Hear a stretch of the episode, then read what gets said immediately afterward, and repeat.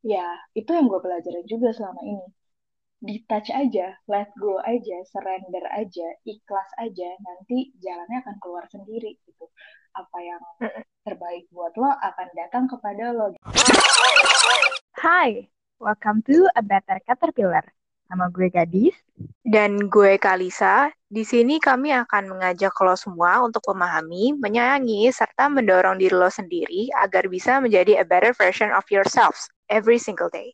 Yuk, grab your cup of coffee or tea. Kami akan berbagi pengalaman, ilmu, serta practical tips yang mungkin bisa lo implement di kehidupan lo.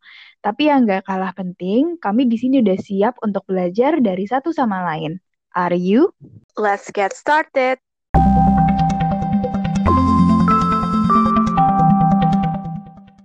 Hai semuanya, hai Dis, apa kabar? Hai, kabar? Baik juga, baik dong. Udah lama ya kita nggak rekaman podcast dari episode pertama ini. Akhirnya mau setiap oh. bulan ada episode tayang, tapi ternyata ya, kita begitulah ya. mendapati janji itu. ya, belum konsisten, tapi kita akan berusaha. Betul. Anyway, di episode kali ini kita bakal bahas overcoming heartbreaks and loss. Sebelumnya kan kita udah jelasin tentang love language tuh. Nah, sekarang kita mau berbagi kisah, mau diskusi gitu ya, diskusi tentang heartbreaks and loss ini dan how to overcome it. Um, yang kita mau jabarkan dan mengelaborasikan dengan five stage of grief. Gue dan gadis di sini pernah mengalami well kehilangan gitu ya as in putus as in um, friendship yang tiba-tiba lost kontak gitu ya uh, as in juga um, kehilangan orang yang kita sayangi akibat um, kematian gitu ya uh, dan kita mau berbagi uh, kisah kita gimana cara kita mengatasinya gitu ya lo nonton ini gak sih di WandaVision nonton Wanda nonton. Vision oh. kayak oh. itu itu lagi lagi hype banget kan itu uh, series yang penontonnya tuh terbanyak currently. Sebelumnya kan Bridgerton tuh. Nah sekarang tuh udah dibalap sama Vision dan Vision ini benar erat dengan five stage of grief tuh ah how excited. Gue nangis. Gila nonton Vision tuh sedih banget. Jujurnya gue belum nonton tapi gue tuh uh, ngelihat cuplikan-cuplikannya dan ada video uh, five stage of grief by Wanda. Kayak wow itu sedih sih. Gue nggak gue nonton itu tiga menit aja udah sedih sih. Anyway back to gadis.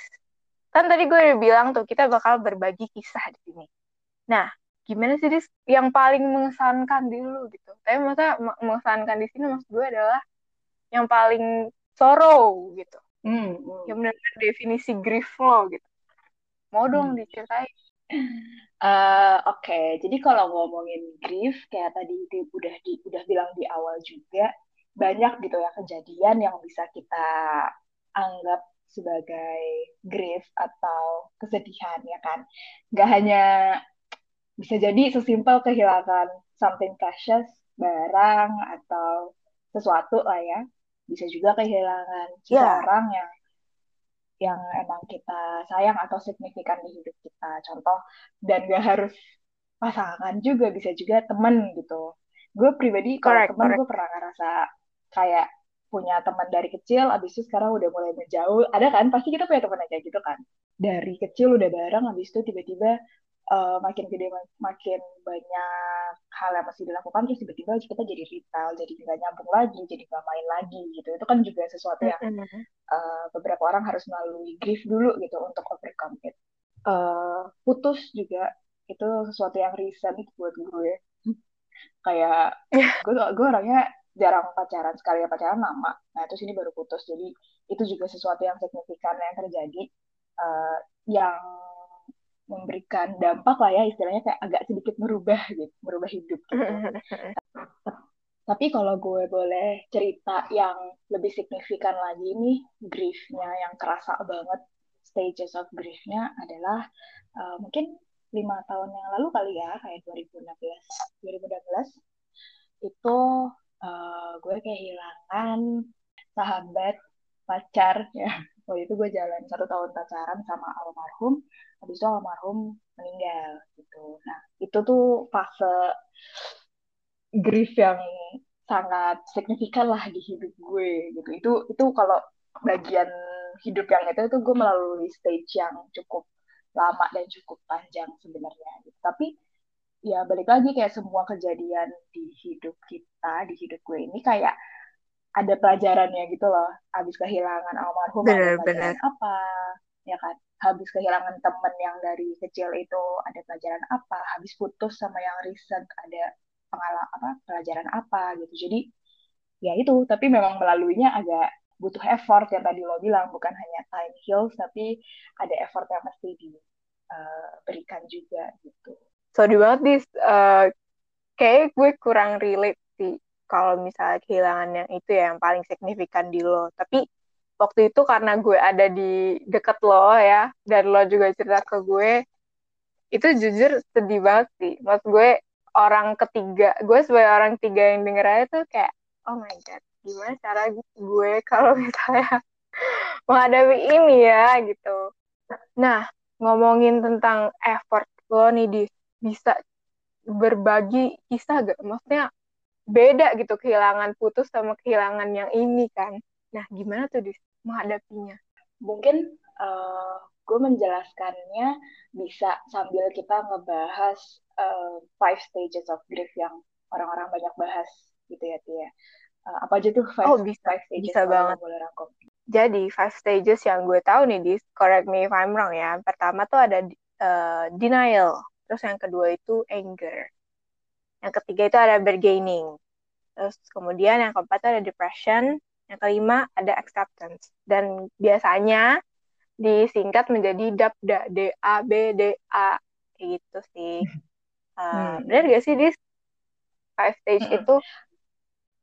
Jadi sih benar banget sih teori five stages of grief ini tuh di apa namanya ditemukan oleh uh, psychiatrist namanya Kubler Ross gue gak tahu pronunciationnya benar apa enggak tapi dia menulis buku uh, on death and dying terus di sini dia ngejelasin fase-fase yang dilewati orang ketika kehilangan gitu ketika grieving nah yang tadi disebutin dari denial, anger, bargaining, depression, acceptance itu mungkin setiap fasenya udah jelas ya, maksudnya itu self explanatory lah masing-masing step itu tuh sebenarnya yeah, yeah, apa. Yeah.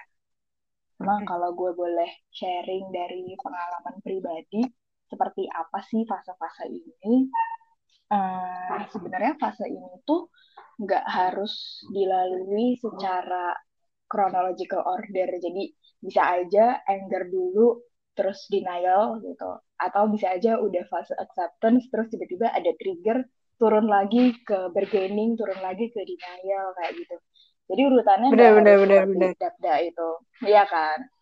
Uh. Dan bisa jadi uh, ada step yang dilewati. Uh, misalkan gue ngerasain cuma nggak nggak ngerasain depression gitu, tapi langsung ke acceptance itu juga bisa gitu. Jadi memang nggak ada rules pasti ini dirasakan oleh fase-fase ini dilewati oleh tiap orang tuh bisa berbeda-beda gitu karena kita punya kapabilitas yang berbeda-beda juga kan. Nah, uh, tapi gue coba bahas satu-satu gitu. Kalau misalkan waktu pertama kali gue dapat berita nih almarhum udah gak ada, itu kayak hmm, uh, menerimanya tuh susah banget. Ke fase acceptance tuh lumayan lama.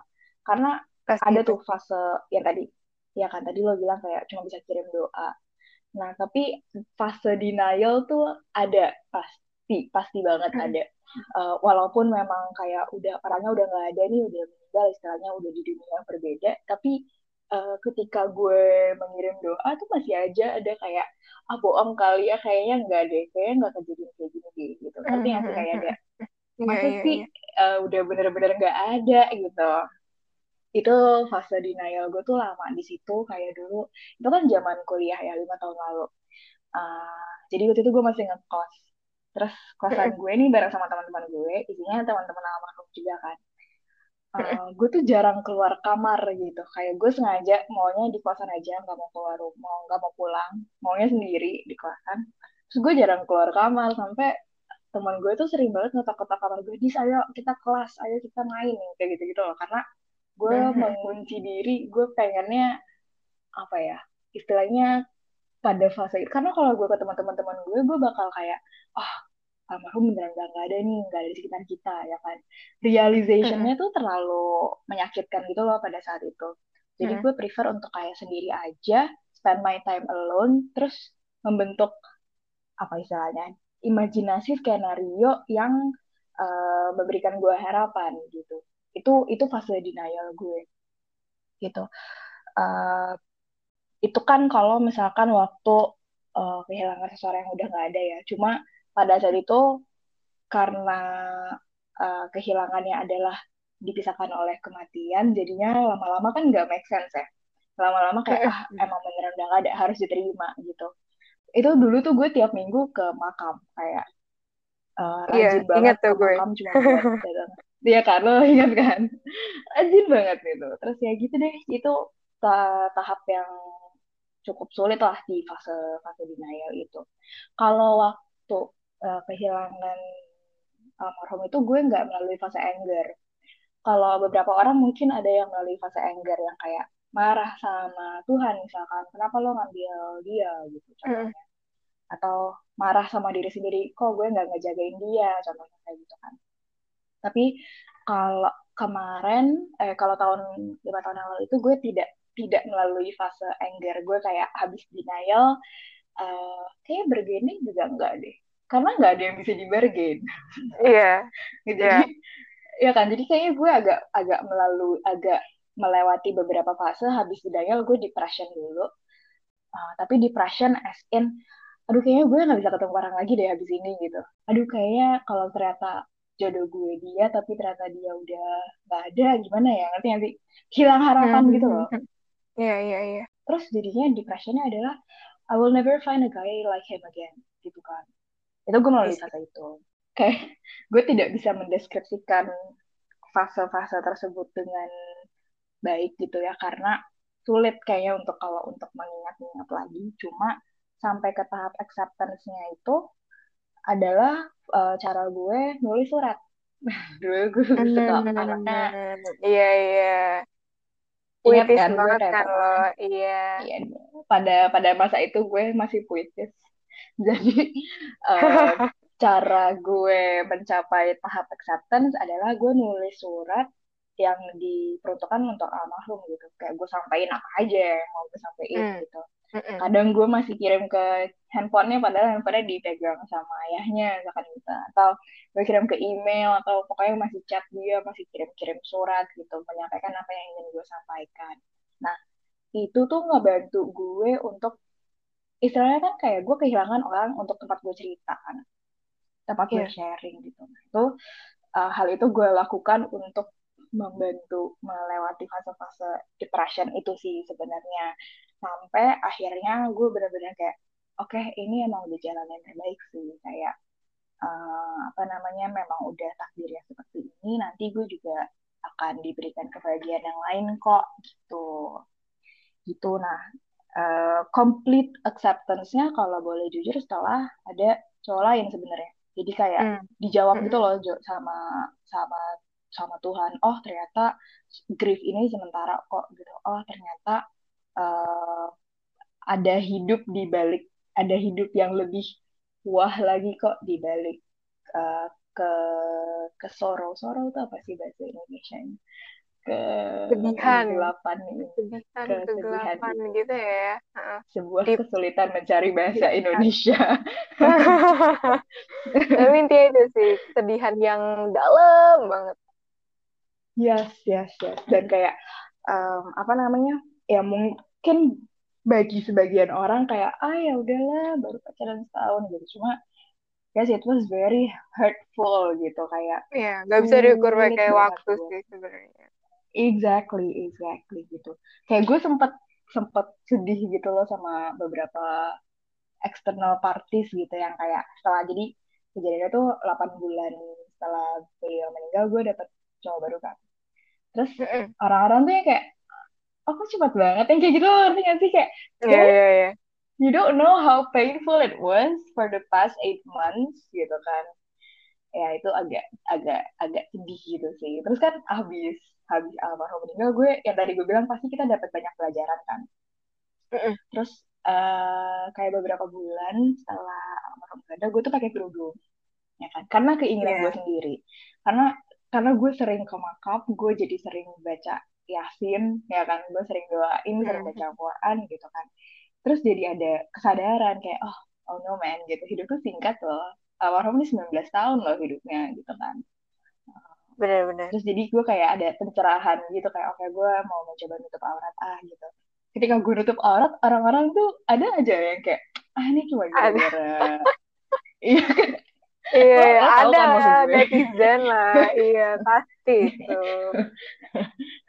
gitu. Kayak kayak ah ntar juga buka bentar lagi kayak. Gue Iya, alhamdulillah iya, masih iya. bertahan pakai kerudung sampai sekarang. Alhamdulillah. gitu. Nah cuma eh, ya balik lagi tadi kan kayak hmm, mungkin kalau dijelasin kayak gini kesannya simpel banget ya. Dan ada beberapa fase yang nggak gue laluin juga ya. Tadi anger sama bargaining itu nggak gue laluin gitu. Tapi eh, untuk mencapai tahap acceptance tuh kayak gue mesti nangis tiap malam gitu. gue mesti waktu sholat tuh nangis-nangis itu itu melalui fase gitu terus gitu dan ya tapi alhamdulillah sekarang udah sudah bisa melepas dengan ikhlas gitu. Iya, iya, iya, iya. Aduh, gue jadi mengingat-ingat zaman-zaman lo cerita ke gue tuh. Iya, Ti. Ini, Ti. Gitu. Tapi, tapi banyaknya yang lo nggak ceritain sih, Dis. Maksud gue, ya lo cerita ke gue se... Lo cerita ke orang-orang, khususnya ya seadanya doang kan. Sisanya lo pendam sendiri, ya sih?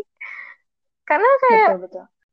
Gue jadi inget gue belum nonton videonya tapi gue lihat cuplikannya gitu di YouTube Mm-mm. si Bunga Citra Lestari cerita soal Ah, almarhum iya, Ada yang dia bilang jangan suruh kita kuat, kita akan kuat pada waktunya. Itu gue kayak benar. wah ini relate banget sih karena waktu itu gue merasakan makanya gue malas ketemu orang pada tahap denial itu. Gue malas banget ketemu orang karena semua Mm-mm. orang tuh yang kayak menyuapi gue kayak kamu yang tabah ya kamu tuh kuat kamu tuh Iya, bisa kayak gitu gitu loh.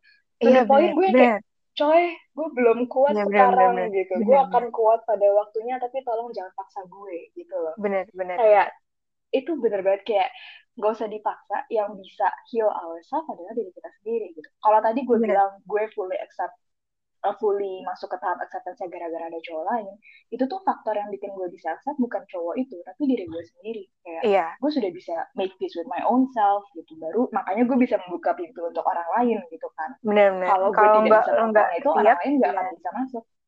Iya baik. exactly Korek, gitu. jadi kayak guys jangan suruh kita kuat kita akan kuat pada waktunya itu the best banget. In my case, gue tipe yang justru gue nggak avoid gitu loh, Dis. Gue avoid my hmm. emotion. Kayak, ih gue kuat kok, apaan sih? Gue nggak perlu nangis gitu. Gue yang kayak gitu. Hmm. Tapi setelah uh, something happen, it yang trigger gue, jadi keluar semuanya.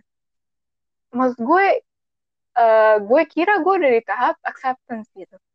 Tapi ketika uh, ada sesuatu yang nge-trigger gue itu, wah, gue start dari nol lagi, bahkan dari minus kali ya. Hmm. Mungkin Hmm. itu uh, yang gue baca juga, ketika uh, seseorang nge-avoid emotionnya dengan um, telling themselves, oh, you're strong, you're tough, gak usah lah sedih-sedih. Itu malah bikin uh, situasinya jadi kompleks, lebih kompleks, dan lo harus mulai itu dari awal lagi gitu.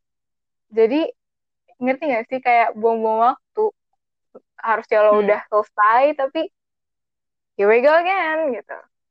Gitu sih, kalau gue. Jadi, untuk Hmm. teman-teman yang mendengarkan ini dan lo juga friendly reminder it's okay it's okay to um, apa ya to let it out simpelnya Hmm. untuk uh, menangis atau terserah lo, lo denialnya mau gimana mau nangis mau nangis tiap malam kayak uh, menyegarkan pikiran gue, mendistrak pikiran gue gitu. Kayak gitu sih.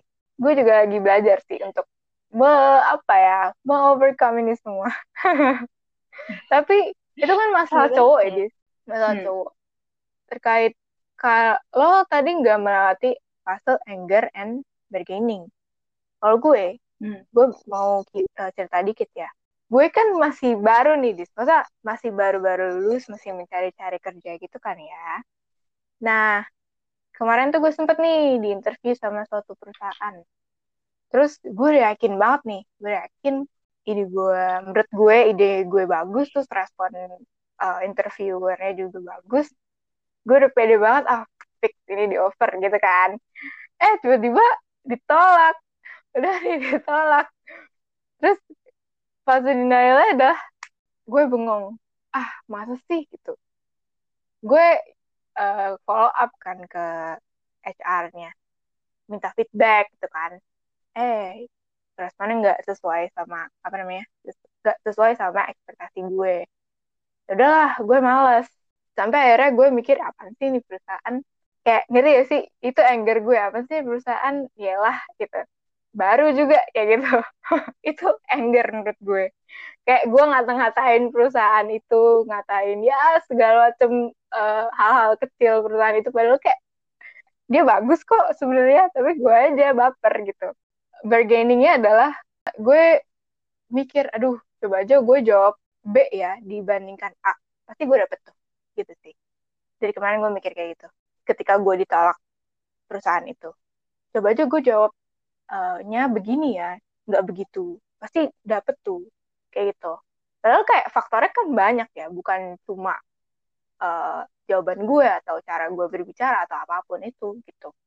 Kayak apalagi masa mencari kerja ini variabelnya banyak gitu nggak cuma bener salah dan bahkan nggak ada bener nggak ada salah gitu. Kayak gitu. Gitu sih grief gue yang baru-baru ini juga dan sekarang Berarti belum gue lagi nih? belum jujur belum. Gue masih di tahap depression. Depressionnya gimana? Gue lagi stop. Gue lagi stop mencari uh, opportunity sumpah. Sumpah kayak aduh ntar deh gitu. Eh udah deh gitu. Udahlah tar dulu deh. Tar dulu tar dulu tar dulu gitu. Sekarang justru masih ntar dulu. Mungkin ya minggu depan kali ya gue start lagi. Kayak gitu sih gitu. Emang tapi susah. Menarik kayak, deh. gimana? Ya, menarik tadi uh, waktu lo bahas tentang bagian bargaining uh, gue keinget uh, gue lagi baca buku. Ini buku udah lama sih tapi gue baru mulai baca mm -hmm. bukunya Mark Manson yang Everything is Fucked Up About Hope yang warna biru gitu. Nah uh, di buku ini si Mark Manson nih bilang ketika istilah gini, kalau misalkan lo disakiti oleh seseorang, misalkan gue mukul lo nih, ya kan, gue mukul lo. Reaksi pertama lo adalah antara lo mukul gue balik atau lo melakukan sesuatu yang sama harmfulnya ke gue, gitu, membalas. Karena kita sebagai manusia punya nature untuk equalize things, gitu. When we are hurt, we need to hurt back people yang hurt kita, gitu.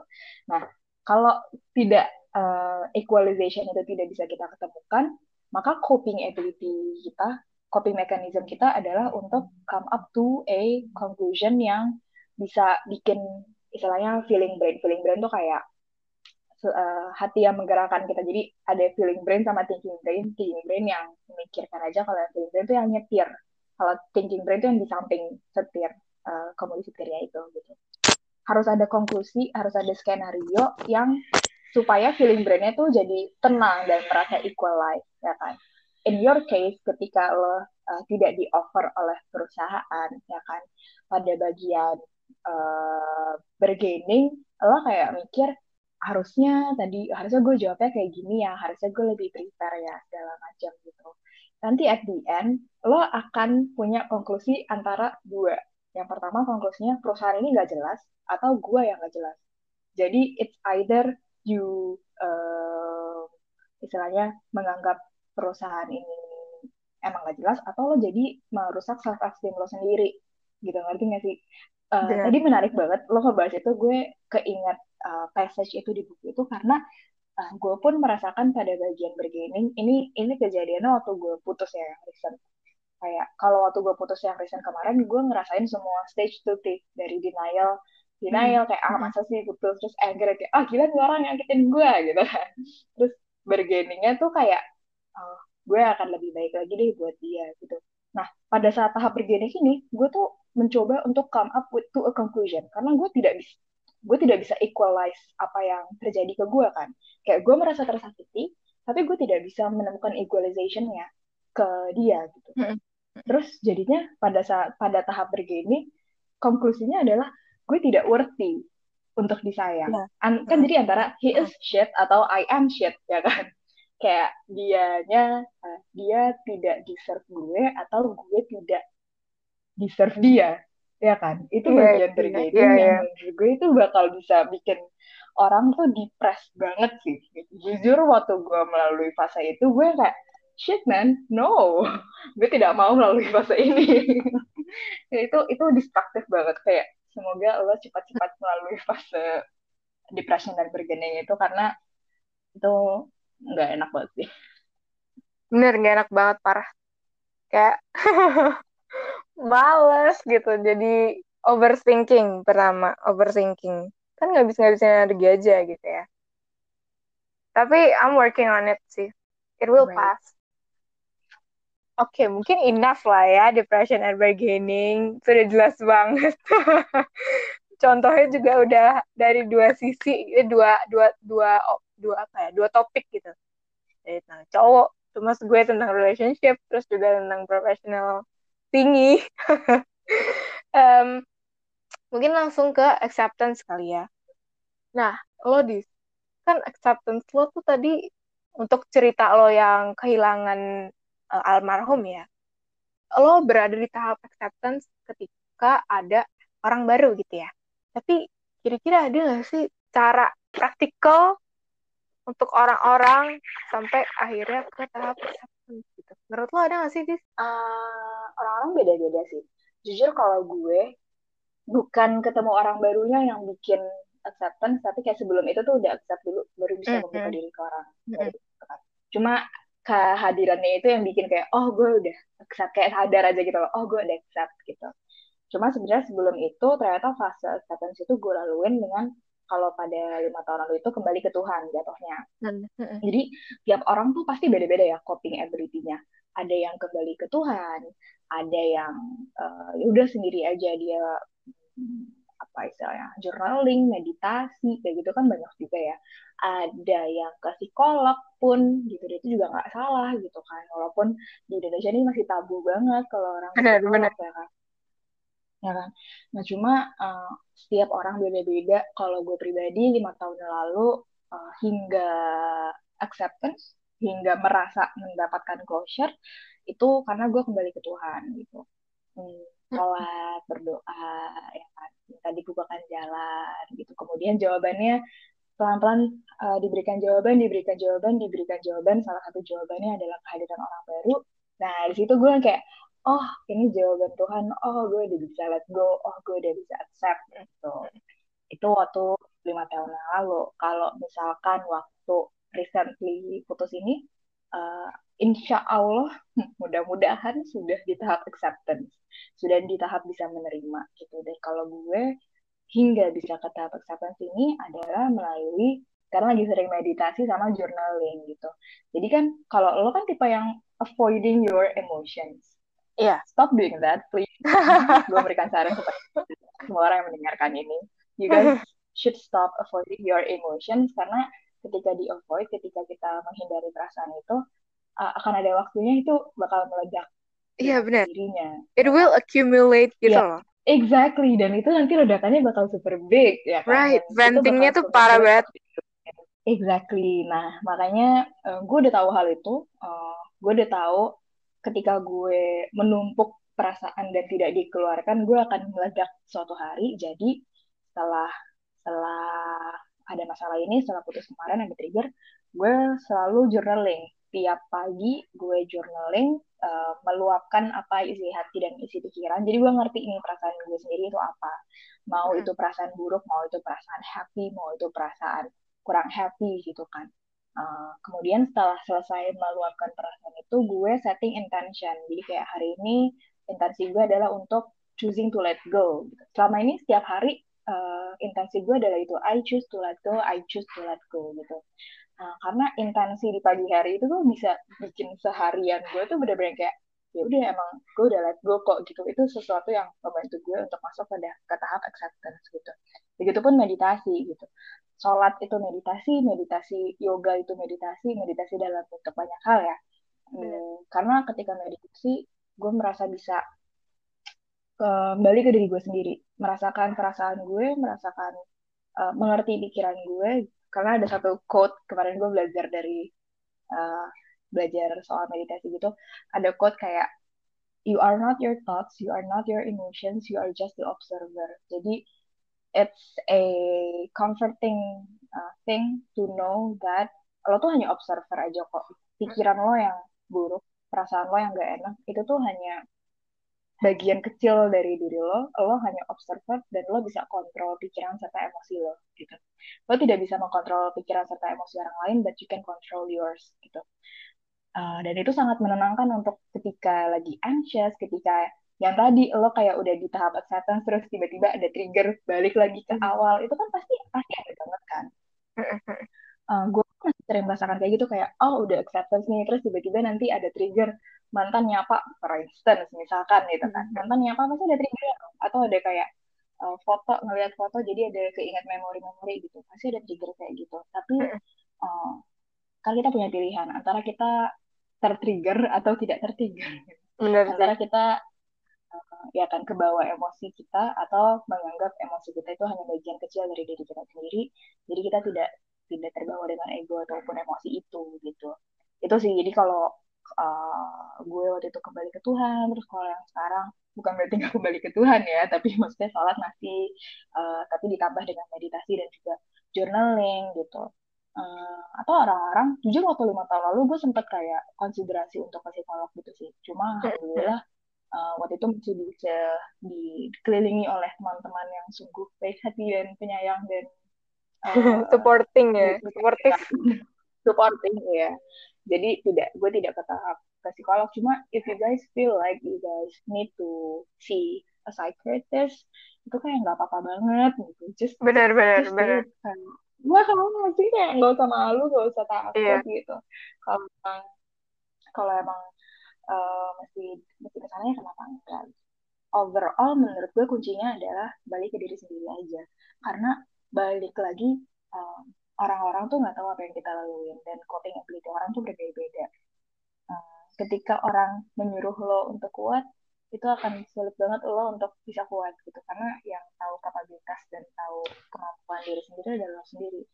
Dan lain hal lagi kalau misalkan sebenarnya kayak dirinya belum siap untuk ke tahap acceptance tapi dipaksain itu juga nggak bakal bisa gitu kan. Iya, dari yeah, awalnya harus siap dulu harus punya mindset harus punya pikiran kayak gue bisa harus bisa memilih untuk kayak I am accepting gitu. Itu baru bisa. Kalau enggak you're just gonna stuck there gitu. Jadi oh ya gitu sih. Kembali ke diri sendiri lagi. Gitu. menurut lo gimana? Sih kalau gue ya mungkin gue ceritain nih masalah yang lain lagi nih hmm. dulu banyak ya? pas zaman zaman SMA kan gue pengen banget tuh di suatu universitas gitu kan. Terus gue daftar lewat jalur undangan hmm. jalur SNMPTN tuh kalau kala itu. Gue udah yakin banget kan dapet karena ya gue gue punya nilai yang bagus terus ranking ranking sekolah gue juga bagus. Gue udah pede banget. Kayak tadi gue bilang gue pede banget eh ditolak terus tapi kan ya udah gue bener-bener nangisnya wah gak karu-karuan waktu itu.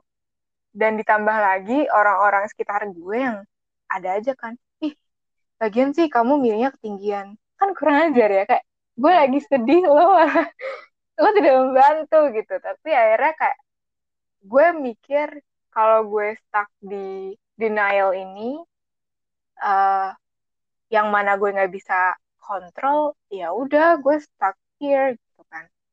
Dan bargainingnya apa? Bargainingnya dulu gue ini sih um, aduh coba aja gue belajar lebih giat ya gitu. Coba aja gue belajar lebih giat kayak gitu.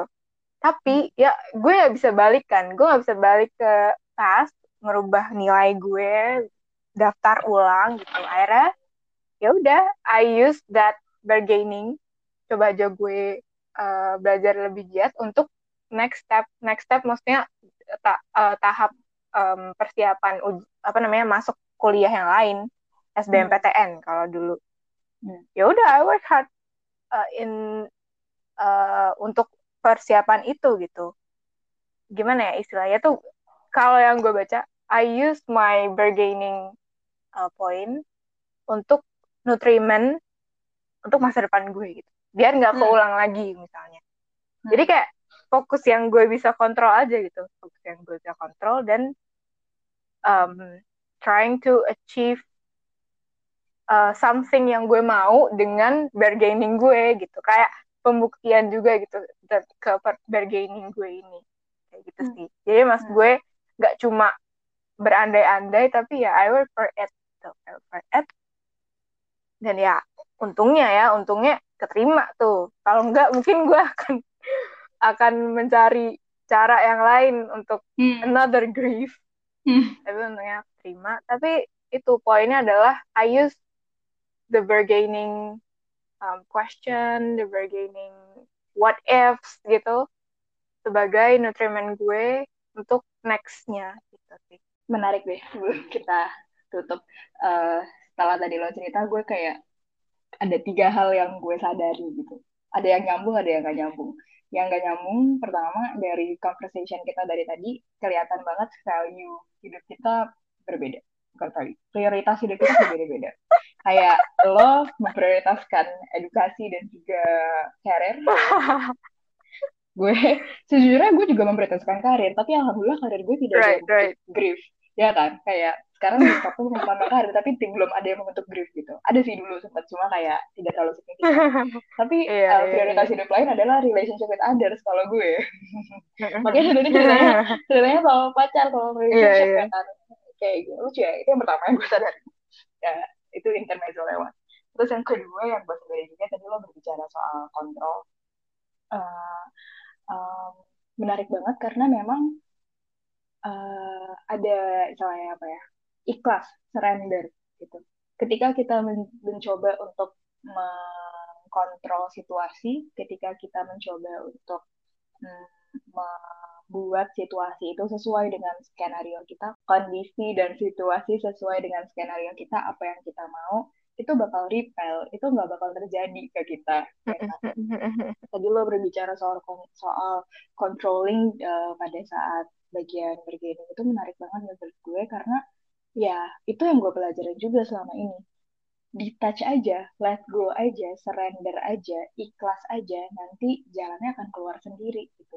Apa yang terbaik buat lo akan datang kepada lo gitu kayak lo nggak diterima di satu universitas yang sangat lo inginkan gitu kan dengan cara yang lo inginkan skenario yang lo inginkan seperti itu lo memaksakan skenario itu terjadi karena lo sangat in control karena lo sangat attached to the outcome itu tidak terjadi kepada lo. Tapi when you let go ketika lo detach dia bakal datang dengan sendirinya gitu loh. Itu sesuatu yang sangat bener, bener, bener. Iya kan? Kayak make sense banget gak sih kayak? Jadi guys yeah. kalau misalkan lo merasa uh, ada sesuatu yang tidak sesuai ekspektasi lo karena lo punya ekspektasi just don't expect things. Itu aja sih sebenarnya kuncinya kayak. Bener, bener, bener, bener. surrender aja gak sih? Ikhlas aja udah jalanin aja dunia di universe Tuhan itu semua udah planning everything so eh, nggak uh, perlu dipaksakan gitu. Serem sih memang kayak jadinya kan lo uh, menunggu sesuatu menunggu your life to unfold to the unknown gitu kan. lo nggak tahu apa yang bakal terjadi selanjutnya gitu.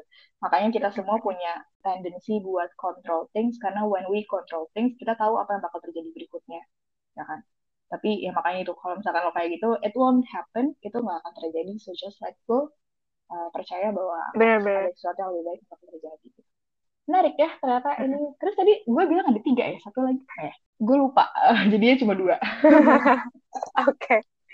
tapi terkait relationship mungkin ya gue ada sih cerita hmm. tapi hmm. I don't think that I'm ready to talk about it gitu mm -hmm. gitu mm -hmm. sih That's Mungkin okay. ini juga tahap tahap gue ya, tahap grief gue gitu. Mungkin masih. Iya, Ya, asal jangan dipendam aja emosinya seperti yang tadi sudah kita bahas. iya, iya benar. Hati-hati meledak. Yang penting kan kita udah itu udah sempet meledak sih Bu, tapi ya setidaknya gue sadar kalau meledak gitu ya. Gitu. Iya. Udah cepet-cepet Semoga tuh cepat dilalui. ya. air pernah disiram. Iya gitu. Ya, gue biasa scrolling through Twitter gitu kan ya. Terus Hmm. gue eh, apa namanya konten-konten Twitter gue tuh random banget. Ada dari K-pop, ada dari eh, apa namanya berita-berita CNN lah. Terus Hmm. berita apa namanya meme meme yang random lucu-lucu. Ada juga tentang Islam-Islam gitu, ayat-ayat Hmm. Quran segala macam. Tadi pagi atau beberapa hari yang lalu ya gue lupa deh pokoknya. Gue lagi masih di tahap ini kan di acceptance yang menuju acceptance em, terkait ya gue ditolak bla bla bla itu. Eh, gue baca dari Twitter ini konten Twitter ini kalau karena semuanya tuh udah ditulis gitu udah ditulis sama Tuhan lo. Dan yang lebih penting lagi adalah manusia cuma butuh uh, belajar untuk trust semesta, trust Tuhan terkait planningnya itu gitu. Everything happens for a reason gitu sih. Even if it's bad or Yeah. good, maybe it's not bad, but Misalnya gini, good or bad thing, who knows gitu. Sekarang mungkin lo ngerasa it's bad thing, bener-bener. tapi kayak seiring dengan perjalanan waktu lo akan, oh alhamdulillah itu terjadi pada gue ya kan. Kayak, wah, Bener banget, parah. sumpah guys, kalau misalkan kalian udah melalui, melalui gue bersyukur banget sih udah melalui realisasi ini karena uh, maksudnya kita nggak bakal kayak gini setiap saat ya, nggak bakal konsisten bisa berpikir jernih seperti ini. Ada hari-harinya gue down, ada hari-harinya gue ngerasa kembali lagi ke tahap bargaining, kembali lagi ke tahap depression Mhm. gitu. Tapi there is comfort in knowing all of this gitu. Jadi ketika gue anxious mikirin yang tidak bisa gue kontrol, gue keinget apa yang sudah gue uh, Bener. rasakan di Gue recall. Iya, gue recall. Jadi gue bisa, oh ya udah tenang aja. Alam semesta Mhm. tuh udah udah ada skripnya gitu kan. Kita tuh main Iya, karakter yang bener-bener. lagi jalanin movie-nya aja gitu kayak ikhlas aja. Bener, ikhlas bener, bener. aja. Ih, gue seneng deh kayak kita gue. satu frekuensi gitu. Kayak misalnya gue lagi bengong menyesali sesuatu. Oh enggak, Kal. Lo main karakter kok. gue ngomong ke kaca kayak gitu. itu terus kayak gila gitu ya. Kayak stres. Tapi sumpah itu kayak bener, bener adanya gitu. apalagi di mas era digital gini kan pasti lo kayak ngelihat ya ngelihat sosial media orang lain ngelihat kehidupan orang lain. Wah dia nikah gitu kan. Wah dia pacaran lama Iya. akhirnya nikah ya kan. Oh dia Heeh. sukses banget karirnya ya kan. Guys coba detox deh. Gue kemarin di podcast enak banget loh.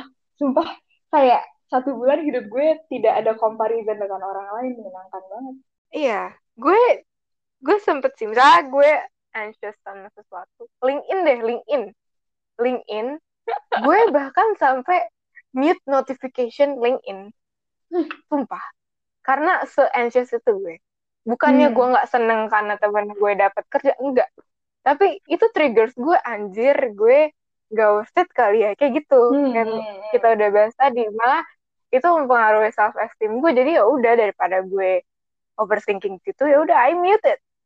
Ya. Kalau menurut gue kalau lo butuh mute atau lo butuh hapus apps-nya tapi kayak nggak mungkin karena gue butuh LinkedIn.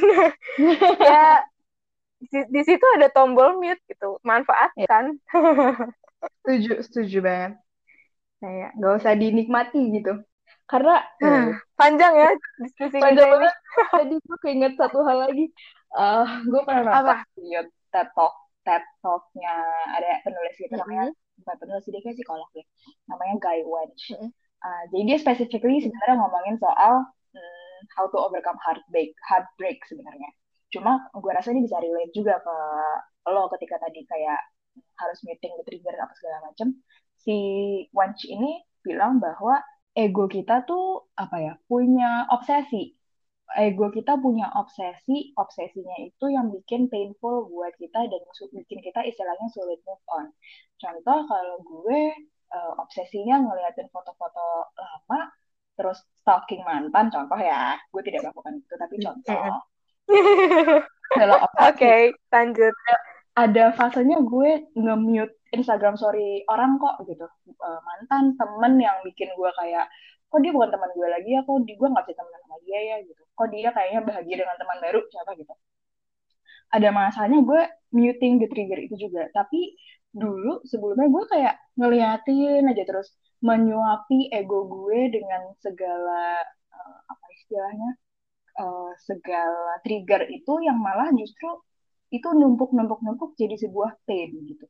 Makanya orang tuh orang yang teman-teman yang kayak ngelihat sosial media dan terus scroll terus scrolling terus scrolling terus comparing comparing and comparing it's a part of uh, that obsession gitu. Itu adalah bagian dari obsesi untuk nyuapin ego gitu makanya oh, menurut gue lo udah oke okay banget bisa klik tombol mute yang memang disediakan untuk gitu. manfaatkan lah gitu karena dengan kayak gitu biasanya bisa kontrol obsesi itu kan it's something we need yeah. to kayak jangan jangan sampai kita uh, terus-terus suapin ego kita karena itu yang bakal bikin kita mm. susah move on dari apa pun itu. Karena ya semua dibahas. Semua dada. Lu lihat nggak sih? Ah, iya parah. Apa? Iya, gue lihat, gue lihat. Oke, okay. thanks, thanks to mute ya. thanks to mute. Fitur itu memang ditemukan untuk kita menjaga uh, kesehatan mental. Bener, bener banget. Gue recently nge-mute adalah orang mantan gue. Siapa tuh? Karena ya itu, itu triggernya di situ gitu. Bahkan gue pernah tiba-tiba melihat konten yang trigger gue, gue ngelempar HP gue, sumpah, refleks gitu. Anjir, kenapa gue buka?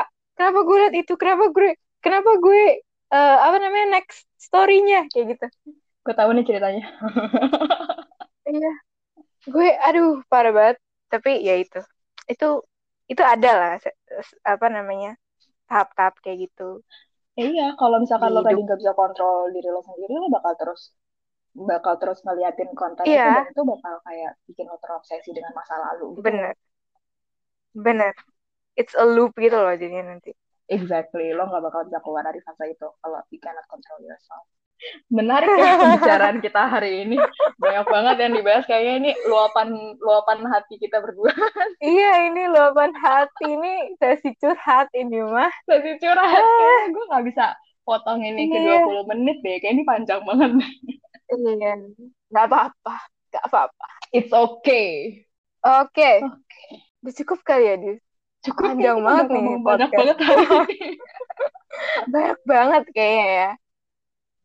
Semoga episode yang kali ini tuh bisa encourage orang-orang ya untuk benar-benar apa ya ya udah rasakan aja dulu gitu. Ya rasakan dulu uh, and then accept later gitu. Kalau udah ready nggak usah dipaksa untuk kuat nggak usah dipaksa oh. untuk terima aja. Karena ada ada tahapnya gitu semangat dan teman-teman yang sedang melalui fase grief. Ya, semangat, semangat untuk kita semua, terutama semangat or untuk orang-orang yang experiencing loss karena pandemik ini yang sih di banyak hmm. banget kan teman-teman gue ada orang-orang sekitar gue lah sekarang udah de udah deket gitu ya hmm. uh, apa namanya pandemik ini semakin terasa dekat itu semangat untuk kita semua. Stay healthy and iya. stay safe.